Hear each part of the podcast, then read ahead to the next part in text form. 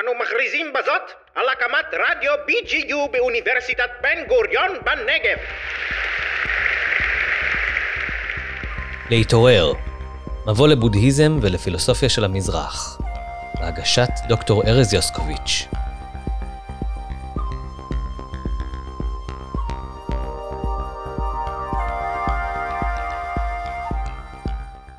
שלום, וברוכים הבאים לפודקאסט להתעורר, מבט מעודכן וביקורתי על הבודהיזם והרלוונטיות שלו לחיינו במאה ה-21.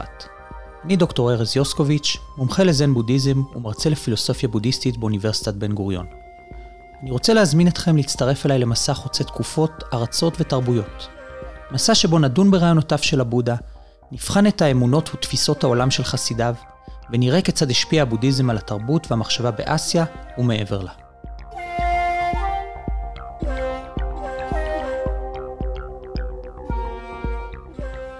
שלום, אנחנו ממשיכים היום את השיחה עם דוקטור רועי צוהר על תפיסת הריקות ומקומה במסורת הבודהיסטית מהמקום שבו הפסקנו בפעם הקודמת.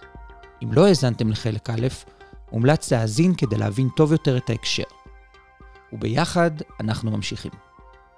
אם לרגע נעשה איזשהו סיכום ביניים, בעצם אה, מה שראינו עד עכשיו זה שיש לנו בעצם איזושהי בעיה הבעיה היא, היא שהבודה לכאורה מצביע על איזושהי מציאות מאוד מאוד דינמית, שנתונה לשינוי מתמיד, אבל באיזשהו מקום נעדרת מהות. כלומר, כפי שאמרת, אין משהו שמשתנה, אין איזה מצע שמכיל עליו את השינוי, אלא רק השינוי עצמו.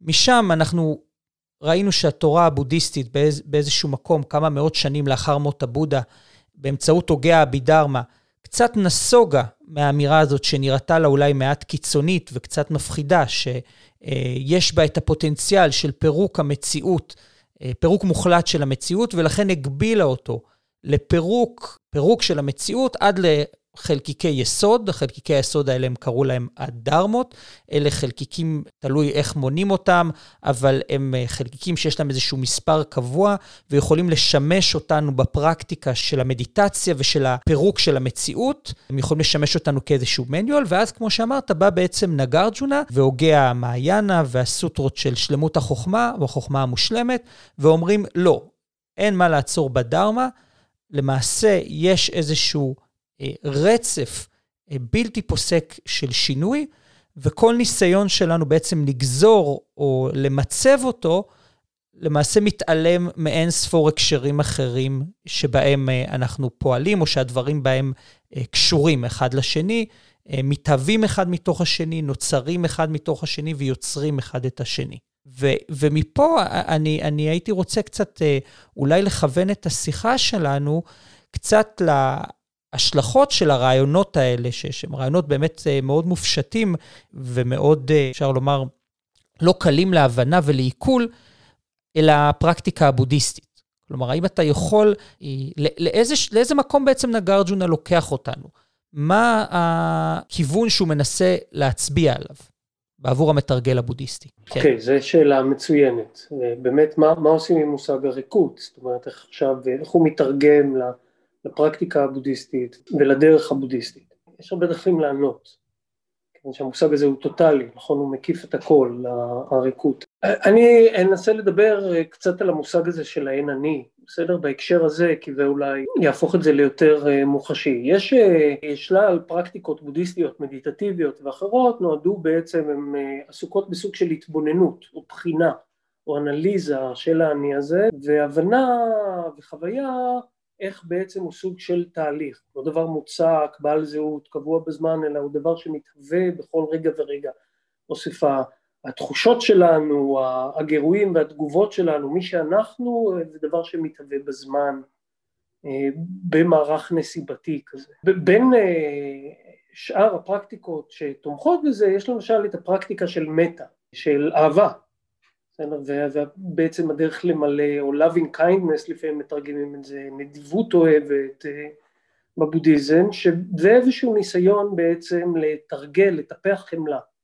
חמלה זה לא דבר שרק נולדים איתו, או שיש לך אותו אין לו, זה דבר שאפשר על פי הבודהיזם להרבות אותו ולגדל אותו. אפשר לגדל איבר של חמלה כזה, ויש כל מיני פרקטיקות, פרקטיקה אחת היא בעצם אה, מתחילה בבקשת סליחה מכל מי שפגענו בו ביודעין או לא ביודעין, במזיד או לא במזיד, בסדר, המודד יושב ברוחו, לא, לא באמת הולך ומבקש סליחה, ולא עושה את זה בכוונה שלמה, וגם uh, בהצהרה של סליחה uh, לכל מי שפגע בנו ביודעין או שלא ביודעין, ואז uh, באיזשהו מצב של ג'הנה הראשונה כזאת, מצב של בליס, מצב של נעימות, בעצם את התחושות, בתחושות האלה מתחילים עכשיו לחשוב על הקרובים אלינו מתוך השאיפה שמי ייתן והם יהיו מאושרים, לא יסבלו. יהיו חופשיים מסבל. מתחילים עם המשפחה ועם האהובים, האנשים שהכי קרובים, ומרחיבים לאט לאט את המעגל. בסדר? במעגלים הולכים וגדלים לאנשים שאנחנו אה, אה, ועושים, ויש פה היררכיה, בהחלט ברור לנו מי קרוב אלינו יותר, מי פחות קרוב, אבל הולכים עם ההיררכיה הזאת. ובסופו של דבר המדיטציה הזאת, שהיא משהו שהוא מתרחב, כל יום עושים את זה, עושים את זה עד שאפשר לעשות את זה באמת בסוג של אה, משאלה שלמה שמי ייתן וכולם יהיו משוחררים מצער לגבי כל היצורים החיים. זאת אומרת יש פה איזה מין מעגלים כאלה כמו אדווה במים שמתרחבת ומתרחבת. ובסופו של דבר צריך להיות מסוגלים להכיל את המשאלה הזאת לגבי כל היצורים החיים בעולם, באמת להתכוון לזה. מי שבאמת נמצא בסוג של עמדה כזאת בצורה עמוקה, לא רק מן השפה ולחוץ, הוא בעצם בודה, הוא הוויה מוארת, הוא הוויה שאין לה כבר שום אינטרס, שאין לה אגו במובן של צורך ביחס לאחרים, שמעמידה את טובת עצמה לעומת אחרים. וסוג כזה של בודה במעיין הופך לערך עליון, ושם קוראים לו הבודיסטווה, עולה. והבודיסטווה היא מישהי שבעצם אה, מתקדמת בדרך הבודהיסטית ומגיעה להערה מושלמת, שלמה, אבל לא משתחררת לשחרור שאין ממנו שארית, לנירוונה שאין ממנה שארית, אלא בוחרת להיוולד שוב בעולם, שוב ושוב ושוב, לידה אחרי לידה, כדי לשחרר את כל היצורים החיים, לא רק בני אדם, מסבל. אז יש פה אידיאל אלטרואיסטי אה, מובהק, ששם בעצם את רווחת האחרים, אה, מה זה האחרים? את כל האחרים, בתור המטרה הכי חשובה. והאידיאל הזה של הבודיסטווה קשור קשר הדוק למושג הריקות. הוא קשור בעצם למושג הריקות, אמרנו כהיעדר הטבע העצמי של כל הדברים והתלות ההדדית של כל הדברים. למה הכוונה? בואו בוא נחזור למדיטציה הזאת, המדיטציה של המטה, של ה-loving kindness הזאת שדיברנו עליה. תמיד, מה, מה היא מבקשת בעצם מהאדם לעשות? היא מבקשת ממנו להתחיל לשרטט מעגלים של קשרים, של יחסים. בסדר? בעצם לשאול איפה אני נמצא בעולם, ביחס למי אני נמצא בעולם. ובאופן טבעי, בהתאם לאהבות ולשנאות המרובות שלנו, אנחנו לוקחים את העולם ומחלקים אותו למיוחסים יותר ומיוחסים פחות. האהובים והקרובים אה, קודם, האחרים אחר כך, אחר כך אני עירך, אחר כך הלאום, אחר כך הגזע, אם קיים דבר כזה בכלל, אחר כך היבשת, לא יודע מה. אחרי זה בני כדור הארץ לעומת קלינגונים, והלאה והלאה והלאה. בסדר? לשרטט איזה שהם יחסים, והיחסים האלה הם תמיד היררכיים והם תמיד האני נמצא בהם במרכז. נקודת המרכז של המעגל הזה, של כל רשת היחסים הזאת, הוא תמיד באני, איך אני ביחס לאחרים, והכל נגמר ומתחיל בי. התמונת עולם הזאת מניחה מהויות, אני, אתה, אחר, אני אהיה עירי לעומת העיר האחרת, העם שלי, הלאום שלי, המדינה שלי לעומת מדינה אחרת, והעדפות כאלה, וזו תמונת עולם מאוד מהותנית שמניחה טבע עצמי, ולמרות שיש שם יחסים, הם יחסים בין דברים.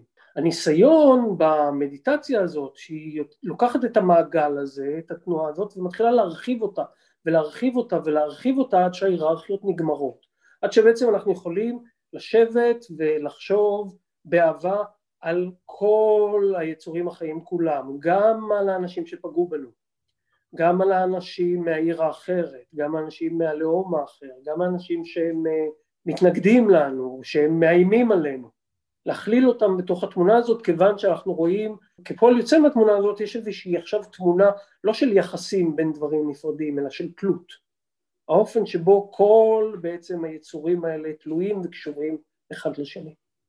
כי זה מה שהמדיטציה הזאת עשתה, היא העבירה אותנו מעגל אחרי מעגל של תלות, של קשרים, עד שהגענו בעצם לקשר שלנו לכל היצורים החיים כולם. והריקות, העבודה המושגית והפילוסופית שהריקות עושה, היא בעצם עומדת בבסיס התפיסה הזאת של הבודיסטווה, שמסתכל על העולם סביבו, ההוויה המוארת הזאת, ולא רואה דברים, ולא רואה אובייקטים, ולא רואה אנשים שהוא אה, רוצה מהם משהו או צריך מהם משהו, שרוצה לקרב אותם או להרחיק אותם או לדחות אותם, אלא רואה בעצם את התלות של כל הדברים האלו אחד בשני ובו. אולי תוכל לחדד רגע, כיצד תפיסת הריקות יוצרת את ההבנה הזאת של התלות ההדדית? זה תלוי מי שואל את השאלה ומאיפה הוא בא. כי יש דרך פילוסופית לעשות את זה.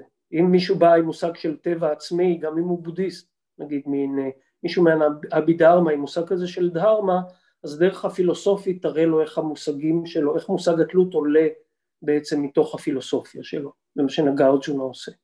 יש דרך אחרת שהיא דרך מדיטטיבית, שזה סוג של מדיטציה בודהיסטית שמדגישה את האופן שבו הפירוק נעשה ללא נקודת עצירה, ללא מקום אה, שבו עוצרים ואומרים זהו, הגענו לבסיס, הגענו לסוף.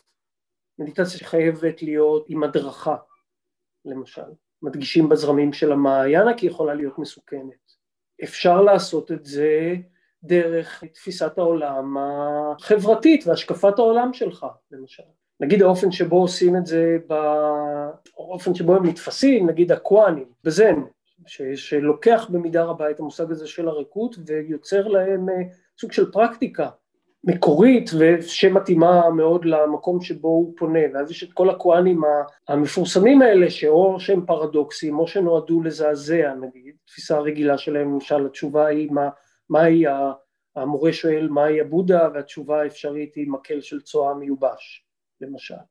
אז בעולם היררכי של אה, מורה נזירי ונזיר במסגרת חברתית מאוד מאוד נוקשה לתשובה הזאת יש אה, היא אפקט שמנתץ, ששובר בעצם, הוא מזעזע מאוד, והוא מזעזע, הוא בעצם מוליך את מי ששומע אותה אולי למחשבה על זה שכן, שהבודה הוא אה, ומקל צועה מיובש, הם שניהם רק מושגים, שניהם לא קיימים באותה מידה כמושגים, וצריך להתעלות מעבר לחלוקה הזאת של העולם. ויש כל מיני אמצעים אה, לזהות את ה... ריקות עם היעדר הטבע העצמי ואז עם התלות ההדדית של אה, כל הדברים. כלומר, היכולת שלי לפרק, או הפרקטיקה שלי, או הניסיון שלי לפרק את, ה, את העולם המושגי, למעשה באופן הדרגתי מיועד לבטל את ההגדרות במובן של גדר ואת ההפרדות שאני יוצר במציאות, וההפרדות האלה הן יוצרות בעבורי סבל. אולי תוכל יותר להסביר, מדוע זה יעורר בי יותר חמלה? מדוע זה יעורר בי צורך לפעול בעבור אה, מישהו אחר ממניעים אלטרואיסטיים? זו שאלה מרכזית בבודהיזם, והיא קשורה בפרשנות הבודהיסטית המיוחדת של מושג החמלה. מושג החמלה הוא לא האופן שבו אנחנו תופסים רחמים.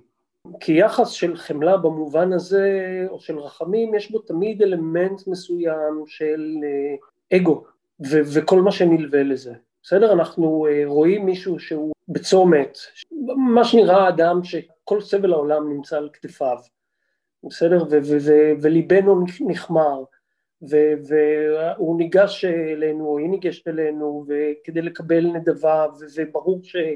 אין, אין, אין הרבה במה להתעלות בעולם הזה, אין הרבה דברים בטוחים וכולי, ואנחנו כולנו מלאים מצער, אבל אין לנו נגיד אה, שקל, או אין לנו מה לתת, ואז אה, הוא מתעצבן ודופק על החלון, או אה, מקלל אותנו, ואז אנחנו פתאום נעשים נורא כועסים, או סוגרים את החלון, או מפחדים. אז מה שאפשר לנו את המצב הזה של החמלה כנה ככל שהיא תהיה, הוא סוג גם של עליונות מובנית, סוג של היררכיה. התחושה בעצם אה, שאנחנו כן מוגנים, שאנחנו כן בטוחים, שאנחנו שונים, שאנחנו נמצאים בפוזיציה לעזור, וברגע שבאו, המצוקה הזאת התבטאה נגיד בכעס, אז אנחנו כבר בעצם בליבנו חושבים לך לעבוד, למה אתה... זה חושף קצת את המנגנונים האלה שהם, לא אגיד אגואיסטים, אבל יש בהם תחושה עמוקה מאוד של אני גם בפעילות אלטרואיסטית. אנחנו כולנו עושים פעילות אלטרואיסטית או רוצים, או יש לנו רגעים אלטרואיסטיים, לפחות אני מקווה, אבל תמיד יש שם גם איזשהו חיזוק של האגו, למשל העצמה שלו, אנחנו מרגישים טוב עם זה, אנחנו גדלים מזה, אנחנו, הדימוי העצמי שלנו עולה. פה מדובר על משהו מסוג אחר. החמלה בבודהיזם היא כמעט, ואני אומר את זה בזהירות כדי שזה לא יצא מהקשר, היא כמעט סוג של תוצר לוואי. היא ערך בפני עצמו, פועלים אליו, היא מטרה, אבל היא סוג של תוצר לוואי במובן שזה מה שקורה לאדם שמגיע להערה ותופס את המציאות סביבו לא כבעלת טבע עצמי, וגם את עצמו, לא כבעלי טבע עצמי, אלא כנמצאים בתלות הדדית. הבודה או הבודיסטווה נמצאים בעולם, הם מתגלגלים שוב בסמסרה, במעגל הלידות והמוות, הם בסדר, הם פועלים, הם באים במגע עם אנשים אחרים, אבל התפיסה שלהם היא שונה מן היסוד. הם לא, כשאנחנו רואים סביבנו עולם של אובייקטים ושל אחרים שעומדים ביחס אלינו ורוצים מאיתנו משהו, או מעניקים לנו משהו או לוקחים מאיתנו משהו, הכל נמצא במערכת כזאת של אה, התחשבנות כזאת בעצם ושל אינטרס, בסדר, הם רואים, אה, הם לא רואים את זה, הם לא חווים את זה, מה שהם רואים רק זה את הקשרים האינסופיים בין כל דבר לכל דבר אחר, והם לא רואים מהויות מולם והם לא רואים גם את עצמם כסוג של מהות, כסוג של טבע, אלא הם רואים רק את התלות הזאת. עכשיו, כשפוגשים אדם כזה, שאין לו אינטרס, שאין לו בעצם אני, שהוא לא מעוניין להעצים את עצמו על חשבונך או איתך או בעדך, כשאנחנו באים באינטראקציה עם אדם כזה, כל אינטראקציה איתו בעצם נתפסת כסוג של חמלה עצומה מבחינתו. כיוון שיש לנו מין מישהו שלא מעדיף את עצמו על, פנ, על פנינו. ואולי קרוב יותר למושג החמלה הזאת למושג האגפה, האהבה הנוצרית אולי, אהבה שאין בה העדפות. שלא עושה הבחנות, אהבה אינסופית להכל, במובן הזה שאין אין לו, אה, אה, אין העדפות, אין הבחנות, אותו אדם נתפס כבעל יצור, אמרתי בעל חמלה אינסופית, ובמובן מסוים רק אדם כזה באמת רואה אותנו, כשאנחנו מסתכלים על אחרים, כשאנחנו רואים אחרים, אנחנו תמיד רואים אותם בעינינו. במובן מסוים, הם נשקפים אלינו דרך החשבון הזה שלנו, של הדברים שאנחנו רוצים, צריכים, לא רוצים, לא אוהבים, כן אוהבים, גם, גם היחסים הקרובים ביותר והאלטרואיסטים ביותר, שיש בהם הקרבה, יכולה להיות הקרבה עצומה, או, או של אהבה בלתי תלויה כמעט בדבר, הורים לילדים למשל, תמיד תלויה במשהו, תמיד האני נמצא שם בצורה מאוד מאוד חזקה בקשר הזה, ולכן האחר תמיד עובר איזושהי פילטריזציה, אנחנו רואים אותו דרכנו. המפגש עם הבודיסטווה הוא מפגש אחר, הוא מפגש שבו בפעם היחידה אולי בחיינו אנחנו מסתכלים, אנחנו רואים אותנו לגמרי, לא דרך הפרספקטיבה של אני אחר. והמבט הזה הוא מבט שנתפס אצלנו כחמלה אינסופית, כמבט חומל. זו התחושה של, שלגמרי רואים אותך, שאתה לגמרי מובן, זאת אומרת ככה הבודהיזם מתאר את זה בצורה לירית, בסדר? הבודיסטווה הוא מישהו, אבא לא קיטשווה, בודיסטווה, אחד מהבודיסטוות של המעיינה, מיוצג ב, באיקונוגרפיה הבודהיסטית כמישהו בעל אה, אלף עיניים ואלף זרועות, שבעצם רואות את כל היצורים החיים והוא מושיט יד לעזרה לכל היצורים החיים. ואליך, בסדר? אין, אין אף אחד פה שזוכה ליחס אה, מועדף ובעצם מסתכלים עליך ורואים אותך. כן, הייתי רוצה ככה, לקראת uh, סוף השיחה שלנו, להעלות איזושהי uh, הנחה uh, ולשמוע מה דעתך עליה. כמו שתיארת, באמת, התפיסה הזאת של הבודהיסטווה, שהוא בעצם איזושהי ישות שהיא centerless, זאת אומרת, היא, היא מין מביאה את, ה, את התפיסה של הריקות במובן של היעדר מהות לאיזשהו מקום אפשר לומר קיצוני באיזשהו מקום, אבל גם אה, מצד שני הוא מקום שמאפשר לה לראות את כל היצורים ללא העדפות אה, וללא אה, שיפוט וללא איזשהו, כמו שאתה ציינת, הפילטר הזה של האגו, שתמיד מתלבש על, על כל אינטראקציה. עוד דבר שהייתי רוצה ככה לקחת את החוכמה של הריקות, וזה קצת מחזיר אותנו לפילוסופיה של נגרג'ונה, וזה באמת איזושהי הבנה שהמתרגל הבודהיסטי רוכש באמצעות, ה, בין אם זה עיון פילוסופי במושג הריקוד ובין אם זה פרקטיקה מדיטטיבית, וזאת איזושהי הבנה שהמציאות, או המושגים שלנו לגבי המציאות והקשר בין המושגים שלנו למציאות, זה רק אופציה. כלומר, זה רק אפשרות. אני פועל בעולם, אה, אני עדיין מתייחס למושגים, אני עדיין מתייחס ל, ל, לישויות, אבל יש בי איזשהו משהו כמעט הומוריסטי, שמבין שהעולם הזה, המציאות הזאת, היא סוג של משחק. כן, ניסחת את זה יפה, אני לא יודע איך, איך אני יכול להוסיף לזה. שוב, יש את המשפט המאוד מפורסם הזה, שעל הדרך הזאת אל הריקוד, שמתחילים אותה אז בהתחלה שמסתכלים על הנוף, בהתחלה היו ערים, אחר כך לא היו ערים ואחר כך היו שוב ערים.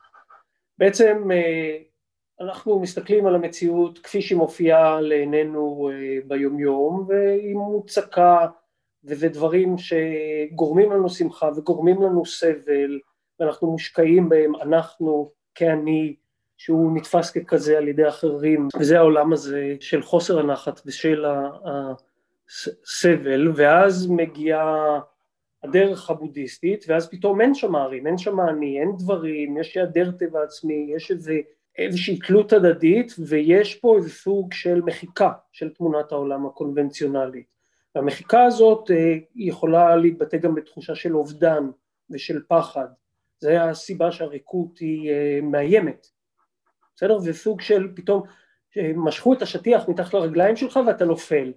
בסדר? כמו אליסה במאורת הארנב, מין נפילה כזאת שנמשכת ונמשכת ונמשכת ואין כביכול משהו מוצק. אבל אז, אחרי שמבינים את הצד הפוזיטיבי של הריקוד, שהיא לא רק שלילה, אלא היא גם חיוב, היא לא רק היעדר הטבע העצמי של כל הדברים, אלא היא התלות ההדדית של כל הדברים, אז פתאום אה, מקבלים את העולם מחדש. פתאום אנחנו נמצאים, חזרנו לאותו מקום שהיינו בו, ואנחנו מסתכלים והערים עכשיו הם שוב ערים, אבל הם אחרים לגמרי. כי עכשיו אנחנו לא חושבים שבאמת יש שם אובייקטים עצמאיים שעומדים, משהו, או דברים אחרים שאפשר לאהוב, לשנוא, ושאנחנו קיימים ביחס אליהם, אלא אנחנו רואים שהחלוקה הזאת להרים, לאני ואתה היא קונבנציונלית, היא בשפה, היא בהמשגה, היא לצורך השימוש וההתנהלות שלנו בעולם, היא לא באמת המציאות. מה שיש אחריה, מה שיש מתחתיה, תרצו, או מסביב לה זה בעצם התלות הזאת של כל הדברים אה, ביחד, וככה הדברים עובדים.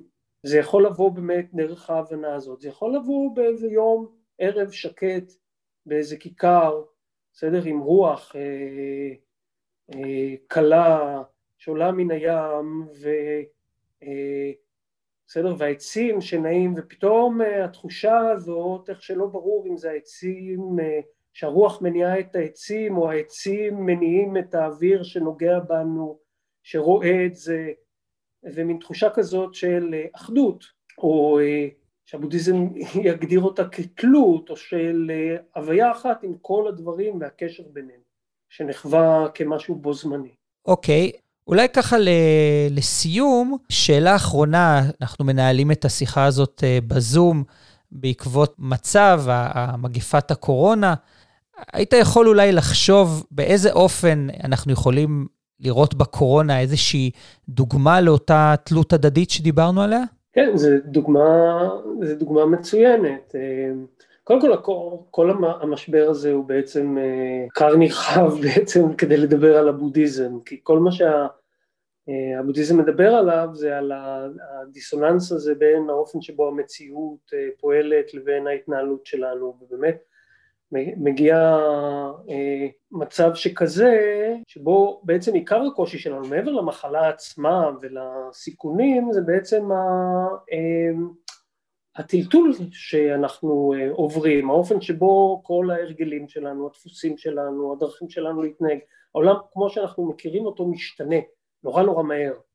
אה, ואנחנו לא מספיקים אה, להדביק את השינוי הזה ובעצם חווים משברים עמוקים בכל מיני רמות, גופנית, נפשית, תרבותית, בגלל החוסר יכולת להתמודד עם השינוי הזה. ואלה בדיוק הדוגמאות, במחלה למשל, שהשינוי הזה מדביק אותנו, שאי אפשר יותר להתכחש אליו. מבחינת הבודהיזם מה שנמצא שם תמיד בבסיס המציאות פתאום הופך להיות מאוד קונקרטי. כי באמת הקושי העיקרי זה אה, ההסתגלות, נכון? כל הזמן התחושה הזאת שהעולם מעורער. כן. אה, אבל בדיוק מבחינה אחרת, אפשר להגיד המחלה הזאת אה, מראה לנו שבמובן מסוים אנחנו עדיין אורגניזם אחד.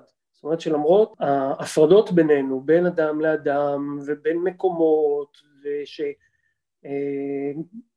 ושמנסים אה, עוד לחזק אותם בגלל כל ההתכנסויות האלה, אנחנו מבודדים בבית, מבודדים במדינה, שמיים סגורים, מבודדים אה, במקומות שונים, שבעצם אה, זה עובר, אנחנו תלויים אחד בשני.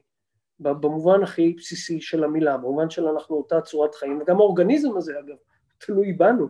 הוא מכלה אותנו תוך כדי, אבל הוא אה, גם נמצא שם, ושיש פה איזושהי מערכת של אה, תלות הדדית. ברמה האנושית, ההבנה הזאת שאנחנו אורגניזם אחד צריכה להביא בתפיסת העולם הבודהיסטית או מוליכה באופן ישיר בעצם לסוג של סולידריות, לסוג של הבנה של חוסר, של בעצם הבנה שאין פה העדפה שלי לעומת, אה, לעומתך, שבדרך היחידה בעצם בכל המישורים השונים, נגיד להתגבר על המגפה הזאת זה לפעול אה, ביחד, תוך סולידריות אה, בין אישית, כי אם אה, נפעל בתור מונדות, בתור יחידים, אז אין לנו סיכוי להתגבר על זה. אז זה גם מראה את החוסר היכולת להימלט מהתלות ההדדית של כולנו, וגם את האופן שבו צריך לאמץ את התלות ההדדית הזאת, אבל עכשיו באופן חיובי. אז שתי התובנות האלה נטועות עמוק בבודהיזם ובמושג הריקות. אז יפה מאוד. יפה מאוד. אז התחלנו בעצם עם הבודה, ועם התפיסה הזאת של מונח הריקות, ועם איזשהו פחד מאוד מאוד עמוק אה, מהפירוק הזה. וסיימנו אה, היום מגפת הקורונה ועם ההבנה שאם אנחנו לא נבין את התלות ההדדית וההתאבלות הגומלין שבינינו לבין כל האנושות, בינינו גם לבין הנגיף הזה, שאנחנו מנסים אה, כל כך להיפטר ממנו, אז אנחנו אה, בבעיה, ואז אה, תפיסת הריקות הופכת אצלנו בעצם מאיזשהו משהו שהוא אה, קצת מפחיד, הוא קצת אה, מפרק ומרוקן מתוכן, באמת לאיזושהי תמונה כזאת שבה כל דבר קשור בכל דבר אחר, ובעצם הקשרים וההתהוויות האלה אה, נותנים לנו גם הרבה תקווה, ובעצם מאשרים את המציאות מחדש נותנים לנו תפיסה אחרת של המציאות. כן, אם אנחנו מקבלים את זה. זאת אומרת, המסקנה הבלתי נמנעת של התפיסה הזאת, אם מסתכלים על הקורונה מנקודת מבט בודהיסטית, היא להתחסן. אה, לא בגלל שזה אפקטיבי או לא אפקטיבי, אלא בגלל המחויבות שלנו אחד לשני. בגלל שזה בעצם הדרך היחידה שלנו לדאוג אחד לשני. כי אם לא, אנחנו מוציאים את עצמנו מהכלל הזה, ואז שוב אנחנו נגד כולם. יפה, אז יצאנו עם המלצה פרקטית מהפודקאסט של השבוע. המסר הבודהיסטי של הפודקאסט שלנו הוא לכו להתחסן. בדיוק. יפה. אני חושב שבזה נסיים. המון תודה לך, רועי. החכמנו. תודה לך, ותודה שהזמנת אותי, ושמחתי לדבר איתך תמיד. המון תודה, ולהשתמע.